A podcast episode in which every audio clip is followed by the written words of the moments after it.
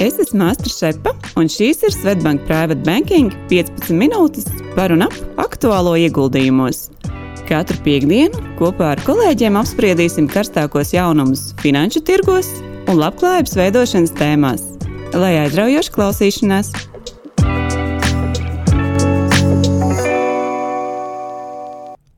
Sveiciens Svetbank Private Banking klientiem! Mani sauc Astra Šepa, un ir eh, ļoti liels prieks ar jums visiem iepazīties. No gada sākuma esmu kļuvusi par uh, Svetbank Private Banking vadītāju. Un uh, ar lielu prieku un gandarījumu uzņemos pienākumu ikdienā strādāt ar jums visiem, mūsu klientiem. Un ceru uz apusēju, rezultatīvu, veiksmīgu un gandarījumu sniedzošu sadarbību. Uh, Un esmu arī ļoti, ļoti priecīga šodien uh, uzņemties arī rūpi par iknedēļas private banking podkāstu ierakstīšanu. Ceru, ka arī turpmāk ar, ar kolēģiem uh, gatavosim jums iknedēļas koncentrētus un izgā, izglītojošus ierakstus par aktuālitātēm ieguldījumu jautājumos. Un šodien esmu kopā ar manu kolēģi Svetbank Private Banking ieguldījumu dēļas vadītāju Mārtiņu Purgēli. Labdien, Mārtiņ! Čau, čau! Man arī prieks uh, uzsākt šo gadu jaunā podkāstu formātā kopā ar tevi. Es domāju, tu vari pāris vārdos pastāstīt par savu pieredzi. Jā, paldies, Mārtiņ, par jautājumu. Tā ļoti īsi sakot, 20 gadus esmu darbojusies finanšu, finanšu jomā. Es teiktu, ka tā, tā, tā galvenā mana pieredze, vai kas man vis, visvairāk ir aizrāvis, ir, ir tieši ieguldījuma pārvalde un darbs arī ar uzņēmumu attīstību. 15 gadus es darbojos tieši riska kapitāla jomā lielākajā Baltijas ieguldījuma fonda pārvaldniekā Baltkap, kas tagad pārvalda jau tuvu pusmiljardam, bija arī valdes locekli Latvijā sešus gadus. Šajā laikā arī biju septiņu Baltijas padomus uzņēmumu padomus locekli. Iemācījos arī daudz par to attīstību un korporatīvo pārvaldību, un astoņus gadus arī biju Latvijas Riska kapitāla asociācijas valdes locekli un valdes priekšsēdētāja. Un tev ir pieredze arī uzņēmumu, kā teikt, bankā, uzņēmumu apkalpošanā. Šis es pilnīgi noteikti lielāko prieku runāšu ar tevi pa aktīvu tirgu, jo tas ir viss tik saistīts - ekonomika, uzņēmuma vērtības bilances, un, un tas atbilstoši atspoguļojās jau finanšu tirgos, par ko mēs arī parunāsim daudz un dikti šajā gadā. Jā, protams, tas teiktu, ir viena, viena no tā, kas tā, manām droši vien var teikt, core kompetencēm uzņēmuma finanšu analīze un finansēšana. Un pēdējos četrus gadus Svetbankā es biju tieši uzņēmuma pārvaldes pusē Rīgas reģiona vadītāja. Bet jā, tas, tas īsam ievadam par mums, un tiešām priecājos par, par jaunā gada sākumu. Un tā kā šodien ir jaunā gada pirmā podkāstu epizode, tad šodien kopā ar Mārtiņu plānojam runāt par to, kā, kā iepriekšējais gads ir noslēdzies šodien daļā no galvenajiem pasaules finanšu tirgiem. Un arī kāda izskatās varbūt šo tirgu prognozi šim 23. gadam. Uh, Un, kā jau visiem zināms, un daudz runāts arī iepriekšējās epizodēs, tad, tad 22. gads finanšu tirgos ir bijis turbulents, pilns. Kā rezultātā MSCI All Country World Index, kas nosedz aptuveni 85% no visām pasaules akcijām, nokrita par vairāk kā 20% un zaudējot rekordu apjomu 18 triljonu dolāru akciju vērtību, kas ir sliktākais šī šī indeksa sniegums kopš 8. gada krīzes. Un, eh, tā kā jā, mēs ar Mārtiņu gatavoties šai epizodē, runājam par to, ka tas gads tiešām ir bijis tik aizraujošs un tik daudz notikumu dažādos pasaules tirgos, tad, eh, tad šodien mēs plānojam stāstīt tieši par, par lielākajiem attīstītajiem tirgiem, kas būtu ASV un Eiropas, eh, Eiropas finanšu tirgi. Savukārt jau nākamajā epizodē mēs jūs informēsim un cerams izklādēsim par attīstības tirgu, kas būtu pamatā Āzijas, Latīņa Amerikas un citi galvenie tirgi, kur arī tie notikumi ir bijuši ļoti, ļoti interesanti un bijuši gan negatīvi, gan arī pārsteidzoši pozitīvi rekordi. Jā, bet, bet, ja sākam runāt tieši par ASV tirgu, kas, protams, ir lielākais pasaules finanšu tirgus, tad, tad kā jau arī minēju, tad uh, 22. gads arī ASV ir bijis gana trauksmains un uh, pēdējā desmitgadē. Es teiktu, trauksmainākais, un visi trīs galvenie Wall Street indeksi ir uh, nokrituši gada griezumā, un tas ir noticis pirmo reizi kopš 18. gada. SMP indeks, kur varētu uzskatīt teiksim, par tādu galveno, kas pārstāv 80% no kopējās ASV tirgus kapitalizācijas, ir uh, nokritis par gandrīz 20%, jeb kopumā par 8 triljoniem dolāru, kas ir lielākais šī indeksa kritums kopš 8. gada. Otrs indeks, Nasdaq Composite, kur ir uh, īpaša koncentrācija tieši uz tehnoloģiju uzņēmumiem, ir nokritis par 33%. Uh, savukārt Dow Jones Industrial Average, kas vairāk apvieno sevī tādus mazāku skaitu tieši blūču uzņēmumus, kopumā 30, tas ir nokritis nu, jau teikt, tikai par 9% gandrīz. Tad tikai jau. Mēs runājam par jau 20%, nu tad 9% šobrīd liekas jau tikai. Jā. Es saku, viss ir relatīvs arī investīciju pasaulē. nu, tas vienmēr ir iespējas arī jauniem investoriem skatīties uz pusēm nākamos gados. Jā, un ja mēs arī tā, kā saka, pāranalizējam tas, tā, tos iemeslus un ja apstākļu kombināciju, kas līdz šādai saka, situācijai. Un, Žurnālistiem patīk dramatizēt lietas, tāpēc viņš varbūt arī sauc pagājušo gadu ASV par, zin, par asinspirti. Nezinu, vai tas īstais vārds, bet presē tiek minēts. Tad tā kombinācija apstākļi bija gan sarežģīta, tomēr, ja mēs gribam atrast tādu pašu galveno faktoru, kas ir tiešā veidā korelējas ar šo, nu, teikt, piemēram, SP indeksu, tad, ja apstāmies šī indeksa attīstību visu gadu griezumā un to korelāciju ar galvenajiem notikumiem finanšu tirgos, ekonomikā un tā tālāk, tad nu, absolūti singls svarīgākais faktors ir Fed rīcība kas ir bijusi arī pēdējās desmit gadēs tā tāda aktīvākā un agresīvākā ar mērķi ierobežot inflāciju, kas arī ir pēdējo pāris desmit gadu augstākā ASV. Un visi pieci 22. gada lielākie šie SP indeksa kritumi ir sakrituši principā, nu, precīzi tieši Fed mītīņu laiku, kurā ir ticis lemts par, par likumu palielināšanu.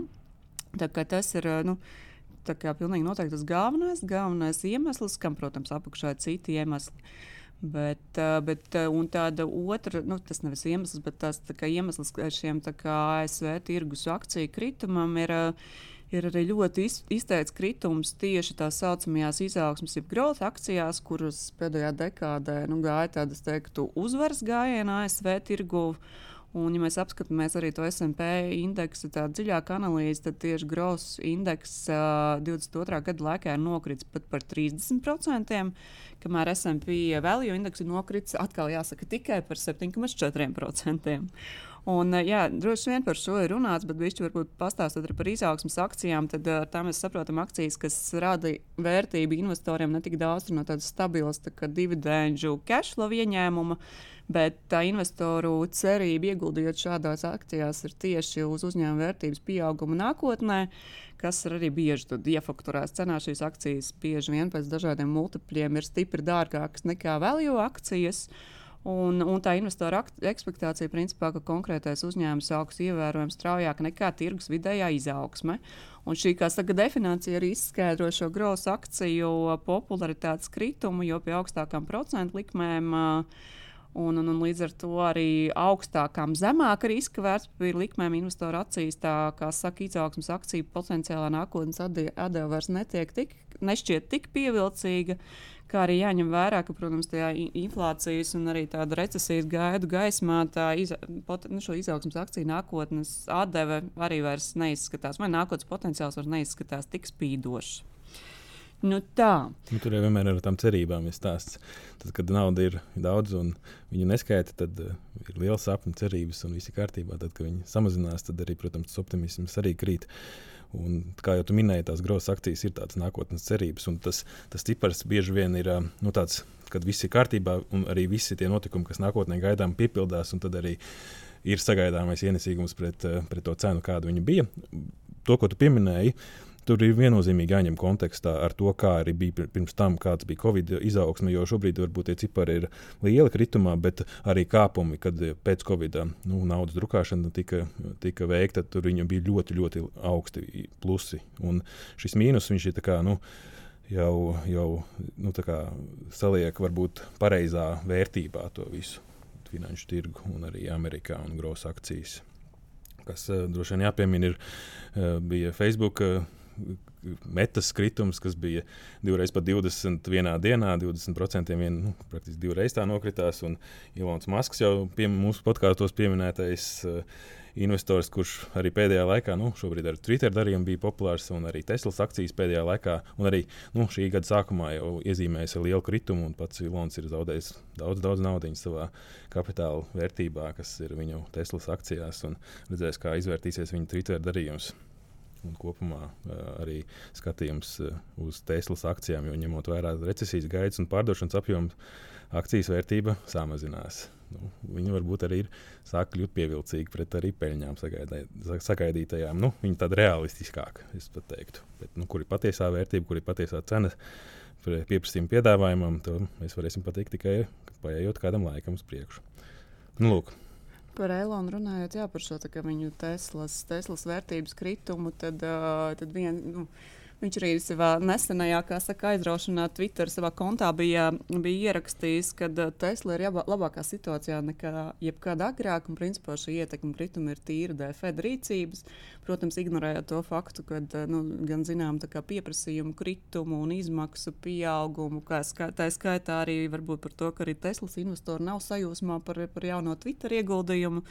Tā kā jā, arī Elons pats jau bija, bija komentējis šo vērtības kritumu, un, un, un varbūt pats nebija laikam sajūsmā un, uh, un vairāk šajā visā vainoja tieši Fedu. Nu, es teiktu, viņam vairāk būtu jāsaka paldies, ka bija periods ar lētu, lētiem līdzekļiem, kad bija iespēja ļoti attīstīt, un nu, varbūt tā cena bija paaugstu. Bet, uh, jā, jā, jāapstāsta arī pāris soļus atpakaļ, kad arī nu, Tesla ir tur, kur viņi ir, pateicoties, kad bija līdzekļi pieejami un, un, un daudz kas attīstījās arī šīs cerību kompānijas. Tieši tā, jo tu man liekas, arī ļoti, ļoti skaisti pateici par to, ka, nu, principā, manuprāt, daļa, nu, ir vairāki parametri, kāpēc tieši šīs izaugsmas akcijas nokritušas, bet noteikti daļa no tā ir arī tā saka, tāda vērtību korekcija, es teiktu. Un, un, un, kad uh, ar meitiņu vakaros spēlēju cirku, tad tur, ja droši vien zinat, kad uh, ar lauvu vai tīģeri var uzkāpt augšā ļoti strauji, tikt pāri tur ļoti lieliem līmeņiem, bet pēc pāris gājieniem tikpat strauji ar āzu var arī nobraukt lejā. Un tajā brīdī es viņai saku, ka augsts ceļš uz zemu krīt. Tā kā es domāju, daļa no tā iespējams varbūt arī jāskaidro, kā šaka, šo big tech uzņēmumu kritumu, kas, kas ir bijis gana, gana liels nākamajā, iepriekšējā gadā.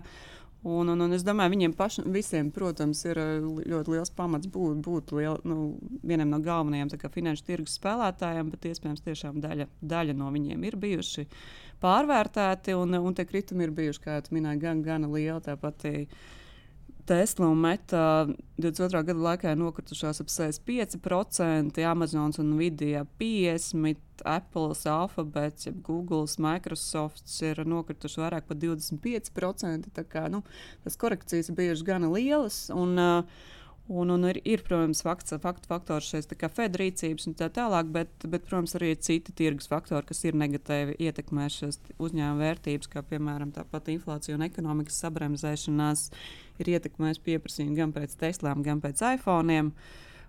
Šie paši faktori ietekmē arī reklāmas budžetu tēriņus, kas, protams, negatīvi ietekmē metas un alfabēta ieņēmumus. Tāpat arī šie kā, metas milzīgi ieguldījumi virtuālajā realitātē, metavers, kas pēc uzņēmuma arī nesena paziņojuma arī nākamajā, vai šai, nu, jau šajā gadā arī sastādīs 20% no visām meta izmaksām. Vismaz pagaidām nav nesuši tos gaidītos augus, katrā ziņā ne tādus droši vien kā investori sagaidītu. Nu, te vienmēr ir jāatcerās stāsts par diversifikāciju. Un arī šodien eh, mēs pieskārsimies vairākiem reģioniem Eiropai. Tāpēc vienkārši vienmēr jādala starp, starp reģioniem. Tur ir atkal situācija nedaudz savādāk. Brīnumainā kārtā Stoka 600 indeks, kas ir pārstāvēts no Eiropas uzņēmuma uh, analogs SP 500. Uh, viņa kritums 2022. gadā nav tik liels. Viņa, viņa kritums ir um, 10%, bet te jau pat pieminētais faktors, ka arī tas kāpums nav bijis pirms tam tik liels. Pēc gados mēs skatāmies, Stoka 600 indeks ir kāpis par 16%, bet SP ar visiem jau esošiem un, un kritumiem, ko mēs runājām, tās ir kritis, nu, pieaudzis par 40%. Eh, nu, tad, tāpēc arī nu, varbūt ir izskaidrojums, lai arī Eiropā problēmas ir vairāk, tuvāk problēmu reģionam, karam, Ukrainai tā tālāk, bet nu, pats, pats indeks nav tik, tik lielu kritumu uzrādījis. Kas ir dienas kārtībā Eiropā? Tieši tas pats inflācija. Eh, Eiropa gan ir nedaudz eh, atpaliekošā ciklā. Ja mēs skatāmies, kā ASV inflācijas eh, trends jau ir salauzts, tad Vācijā nu, ir 8,9% inflācija sagaidāms 22. gadā, Eirozonā kopumā 8,4%. Tas samazinājums ir nu, sagaidāms, ka viņš būs pirmā ceturkšņa beigās, nu, kur jau mēs redzam, ka ASV jau varbūt ir nedaudz priekšā mums. Eiropas cilvēkiem, kad, kad tirgus inflācija jau, jau, jau mazinās. Uh, procentu likums Eiropas centrālā banka tāpatās agresīvi saka, palielinās, lai, lai, lai samazinātu inflāciju. Kas ir super laba ziņa Eiropā, ir tas, ka nu, ir, ir, ir silta ziema. Ir silta ziema Un tas bija viena no lielākajām bažām pirms uh, ziema iestājās, kad būs ļoti dārgi un resursi nebūs pieejami. Bet pašlaik gāzes cenas ir pat ļoti zemas, 65 eiro megawatt-stundā, nokritušas nākotnes līgumiem, un arī naftas cena ir iepriecinājusi un ir samazinājusies. Tā kā šeit ir labas ziņas. Protams, tas var mainīties un nevajadzētu arī paļauties, ka visu laiku tā būs, bet nu, pašlaik, protams, pozitīvi faktori. Tā kā tu pieskāries arī enerģētikas jomai, tad, tad jā, arī pieskaroties vēl ASV tēmai, mēs runājam par šo kā, big tech vai izaugsmas uzņēmumu kritumu. Vērtību kritumam, un, un, un, un kopumā jā, daļa no šo big tech investoriem pārvietojušies uz šīm tādām stabilākām un pārbaudītākām vērtībām un nozarēm, kā apdrošinātāji, pārtikas uzņēmumi, tā skaitā enerģijas uzņēmumi. Jo principā šajā pašā SP indeksā uh, galvenais vai vienīgais ieguvējs ir tieši enerģijas indeks, kas, kas 22. gadā ir pieaudzis par gandrīz 60%. Un Eiropā tieši tas pats. Mēs redzam, ka galvenais sektors, kas ir ieguvējis no visa, ir uh, enerģijas sektors. Šeit izteikti ir uh, Anglijas kompānijas, uh, Shell, BP, arī Francijas Total. Nu, tur skāpums ir gada laikā, piemēram, Stock 600 indeks. Šī, šī, šī sadaļa ir kāpus pa 30% šī, šī, šī nozare. Un, uh, viņš ir uh, nu, pasaulē droši vien līdzīgs. Tas viss trends ir, uh, kad enerģijas cena pieaugums ar visiem saspīlējumiem mums ir radījis labus rezultātus šīm kompānijām. Pēc būtības arī nākotnē, 23. gadā, šis sektors tiek uzskatīts par viens no tādiem, kur, kur ieguldīt, jo ir daudz neskaidrības, ņemot vērā, ka Krievijas piegādes ar gāzi un naftu izņem no, no tirgus kaut kādu veidu piedāvājumu. Un mēs redzam arī, ka jautājumi ir nu, teiksim, tā, otra puse Ķīna, ka varētu sākt attīstīties, un atkal tas pieprasījums tur pie, palielināties. Tāpēc nu, šis uh, sektors ir uh, vēl uzskatāms kā perspektīvs un, un kā labi esošs ieguldījumiem nākotnē. Nu, tā vismaz analītiķi uzskata. Kas vēl labi uh, strādājas, ir šie paši citi izējuma materiāli. Nu, tur arī ir labi rezultāti, bet tas ir dažādi metāla ogles. Un, un izējuma materiāls, kurus arī pamatā dēļ saspīlējuma, ir cena pieaugusi. Un, kas nav labi Eiropā, tieši tas pats tehnoloģijas, bet uh, atšķirībā no ASV tehnoloģija nozara Eiropā nav tik izteikta. Tur nav daudz vārdu, kurus mēs ļoti labi zinātu. Piemēram, viens no tādiem pazīstamākajiem ir uh, nu, uzvadītāji, kā nozara pārstāvošais SM, SML Holdings. ASML Holdings, kas ir Holandē bāzēts, nu, viņa kritums ir 20% iepriekšējā gadā, bet pārējie, pārējie uzņēmumi varbūt nav tik izteikti mm, Eiropā. Kas eh, varbūt ir eh, visvājākais, ir eh, nekustamā īpašuma nozara, kas ir Eiropā nu, ar mīnus 38%. Stoks 600 indeksā šie uzņēmumi strādājuši. Pavisam vienkārši izskaidrojums tās gaidas, kas ir šajā nozarē, ir nu, diezgan vājs. Gan procentu likuma kāpums, gan recesija, gan augstā inflācija, gan noskaņojums. Tas viss, pieņemsim, šajā nozarē radīs negatīvu skatījumu uz nākotni. Nu, arī atbilstoši akcijas cenas ir samazinājušās. Nu, un mūsu pieminētā vienmēr podkāstos autokompānijas, viņiem arī nav veicies īpaši labi. Kopējais kritums ir 14% iepriekšējā gadā. Nu, lielākie droši vien pārstāvji ir Mercedes, kas ir kritis par 12%, ir Volkswagen kritis par 30 vairāk procentiem. Šie uzņēmumu vērtības ir diezgan zemas, bet nu, jāņem vērā arī, ka, ka daudz tie faktori, kas notiekās ģeopolitikā un, un, un, un, un arī nākotnes recesijas gaidās, ir pietiekami pamatojuši viņu cenu kritumu. Ko Eiropā skatās turpmāk un kādas tās nākotnes prognozes, pavisam vienkārši nu, esam nedaudz aiz ASV. Procentu likums mēs celsim, ir inflācija mm, jāsamazina. Protams, ir sagaidām, ka uzņēmumu peļņas mazināsies, un no tā ir daudz kas atkarīgs. Bet vislielākais nenoteiktais ir, protams, tas Ukraiņas konflikts, kurš var arī nu, negatīvi kaut kā ietekmēt to tālāk. Bet, nu, jo cerams, pagaidām, protams, mēs neredzam tādas pozitīvas iezīmes, bet nu, jācer, ka kad, kad virzīsies uz šī konflikta, nu, nezinu, kaut kāda veida atrisināšanu mūsu nākotnē. Nu, tāda, tā, tāda ir notikumi Eiropā. Jā, runājot, ļoti interesanti Mārtiņa, Mārtiņa pārskats par Eiropu. Arī pieskārēs jau, kā saka, tādam ļoti īsam outlukam par to, kā Eiropas finanšu tirgu un ekonomika varētu attīstīties nākamajā gadā. Tas principā, es domāju, tas ir par visiem globāliem tirgiem, bet tas skaitā arī par ASV, kas ir lielākais tirgs, tās galvenās spekulācijas investoru un analītiķu vidū, protams, ir par, par to, cik ilgi šis tā saucamais lāču vai bieru tirgus sagatavo, saga, saglabāsies. Un es arī nedaudz palasījos interesantu tādu pētījumu, Deloitte nevis pētījumu, bet Outlooku principā par ASV ekonomiku, kas iznāca decembra, decembra vidū, gana, gana sveiks. Uh, un aktuāls. Un, uh, un, un, un tur ar tā analīze bija par to, ka ir gana, gana pamatotas bažas tādai tā kā iespējams recesijai ASV, kur ir gana daudz iemeslu, kā to gaidīt, gan tā Krievijas ieviesto enerģijas sankciju ietekmi uz Eiropu. Gan Ķīnas nekustamo īpašumu tirgus problēmas, gan globālā pārtikas krīze, dēļ Ukraiņas kara un tā tālāk. Bet tas galvenais ir, bet, jā, kad ir, kad svarīgi ir tas, ka īstenībā ASV ir ekonomika ir daudz mazāk atkarīga no šiem faktoriem nekā šķiet. Jo starptautiskā tirdzniecība sastāv nemaz nu, ne tik milzīgu apmēru no ASV ekonomikas. Uh, Un, uh, un te īstenībā tie būtiskākie ASV tirzniecības apmēri notiek tieši Ziemeļamerikas kontinentā. Kā arī tās pats pieminētās enerģijas un pārtikas nozars, pat ja tur aug cenas, tad īstenībā ASV no tā ie, uh, iegūst, jo ASV ir šo resursu eksportētājs. Nu, attiecīgi arī Deloitte arī uzskata, tāpat kā investori, ka vislielākā ietekme uz ASV ekonomikas attīstību būs tieši Fed rīcībai, bet arī par to viņi patiesībā runā, kad, uh, kad tā, ja mēs salīdzinām ar pēdējo reizi, kad Fed rīcība izraisīja nu, gan dziļu recesiju ASV, kas bija 80. gados. Tad, tad ja salīdzinu to rīcību ar tiem gadiem un šodien, tad uh, 79. un 80. gadā tās un arī 80 gada augustā tās likmes tika paceltas uh, trīsreiz lielākā apmērā un daudz īsākā periodā nekā šobrīd. Nu, īsāk sakot, daudz agresīvāk. Tas nozīmē, ka vismaz pagaidām tā Fed iejaukšanās arī ir daudz, daudz uh, maigāka. Un kas vēl arī tāds pozitīvs faktors, ka šobrīd ASV ekonomika salīdzinot ar 80. gadiem ir daudz mazāk ietekmējama ar likuma kāpumu tādā ziņā, ka uh, teiksim, nozares, kuras visvairāk ietekmē likuma kāpumu, kā celtniecība, nekustamā īpašuma un tā saucamie durable consumer goods, sastāv daudz mazāku daļu no IKP.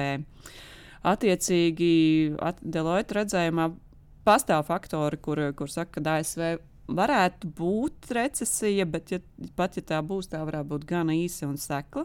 Un arī pats Fets īstenībā ir šobrīd uzskata, ka recesija ASV visticamāk nebūs šajā gadā, un ka drīzāk būs ekonomikas izaugsme 0,41% apmērā un inflācija 2,9 līdz 3,5% apmērā. Tam gan, kā saka, tāds papildus, papildus faktors šodien tieši Financial Times bija ziņa, kur uh, Starptautiskais valūtas fonds brīdināja uh, Fedu un drusku arī Eiropu, kad, kad likmes ir jāturpina celt un cīņa ar inflāciju vēl nav galā. Kā tas šobrīd parādās dažādos laikrakstu virsrakstos, kad ASV inflācija ir sabremzējusies. Eiropa priecājās par enerģijas cenu kritumu, kas cerams vēl turpināsies. Nu, sakot, kad ir daudz tie pozitīvie faktori, bet, bet kā saka, šis AMF brīdina vēl nesapriecāties un, un turpināt, turpināt šo rīcību. Uh, tuvojoties jau noslēgumam, vēl tāds interesants fakts par šo pašu ASV SP indeksu, kas varbūt arī. Nu, nedaudz attiecās arī uz visu globālo tirgu, tad, eh, tad tādam outlookam uz priekšu varam paskatīties arī atpakaļ vēsturē, gan arī simts gadus vecā. Tad, tad analītiķi arī analizējuši, ka kopš 28. gada. Uh, SP indeks uh, divus gadus pēc kārtas ir krities tikai četras reizes, kas mums liek cerēt, ka 23. gadā šis kritums neturpināsies ASV tirgu. Kas ir varbūt nedaudz biedējošā ziņa šajā faktorā, gan ir tas, ka tajās četrās reizēs, kad viņš tomēr krita, Tad otrajā gadā kritums bija sliktāks. Bet, bet gribu šo podkāstu noslēgt ar tādu pozitīvu ziņu. Arī ar Bloomberg ir veicis pētījumu varbūt par to investoru sajūtu un outlooku 23. gadam aptaujāti tur visi galvenie pasaules investori un 71% uzskata, ka tirgi atgūsies un, un, un tas uh, izaugsme cerams sasniegs pat double digit growth. Nu, cerēsim, ka tas nav pārāk, kā saka, optimistisks skats un, un, un protams, kā jau mēs runājam, tie riski dažādi pastāv visās, principā, globālajās ekonomikās. Un, un, un, nu, nu, lai 23. gads būtu pozitīvo ziņu gads, es domāju, mēs tā varētu sākt šogad ar šo podkāstu tas varētu būt mums, kā saka, tāds jaunā, jaunā gada vēlējums gan, gan mums, gan visiem mūsu klientiem un, un arī visai globālajai ekonomikai. Mārtiņš noteikti piekrītu. Nu, lai, un, lai saglabājās arī, re, kur ja mums ir fets, kad fets lemj kaut ko tie cilvēki, lai nebūtu tādi Covid, kas nebija nekādā veidā prognozējams un nav iespējams, lai būtu visi notikumi kontrolējami. Es domāju, tad jau būs labi. Un kā arī kā vienmēr arī atgādina, ka jebkurā situācijā, arī pie visām tirgus svārstībām, tā tālāk, tas, tas galvenais, protams, no klienta un, un visu investoru viedokļu ir, rīkoties atbalstu, atbilstoši savam finansiālam stāvoklim un riska apetītei un ieguldīt regulāri un iespējams diversificējot riskus, kas, nu, kā saka, vismaz grāmatās raksta droši vien arī ir tā pareizākā un ilgspējīgākā pieeja. Ja? Tā kā paldies, Mārtiņ, par tiešām interesantu diskusiju. Paldies, Atra. Un tad jau tiekamies nākamajā reizē, kad, kā jau minēju, runāsim par attīstības tirgiem, kur, kur šie notikumi 22. gadā arī ir bijuši ļoti, ļoti, ļoti interesanti. Paldies, un es tikšanos nākamreiz. Tā. Audio saturā dzirdētā informācija nav uzskatāms par ieguldījumu konsultāciju vai ieteikumu slēgt finanšu tirgus darījumus vai ieguldīt finanšu instrumentos. Paldies, ka klausījāties! Lai izdevusies diena un uz tikšanos nākamajā sarunā!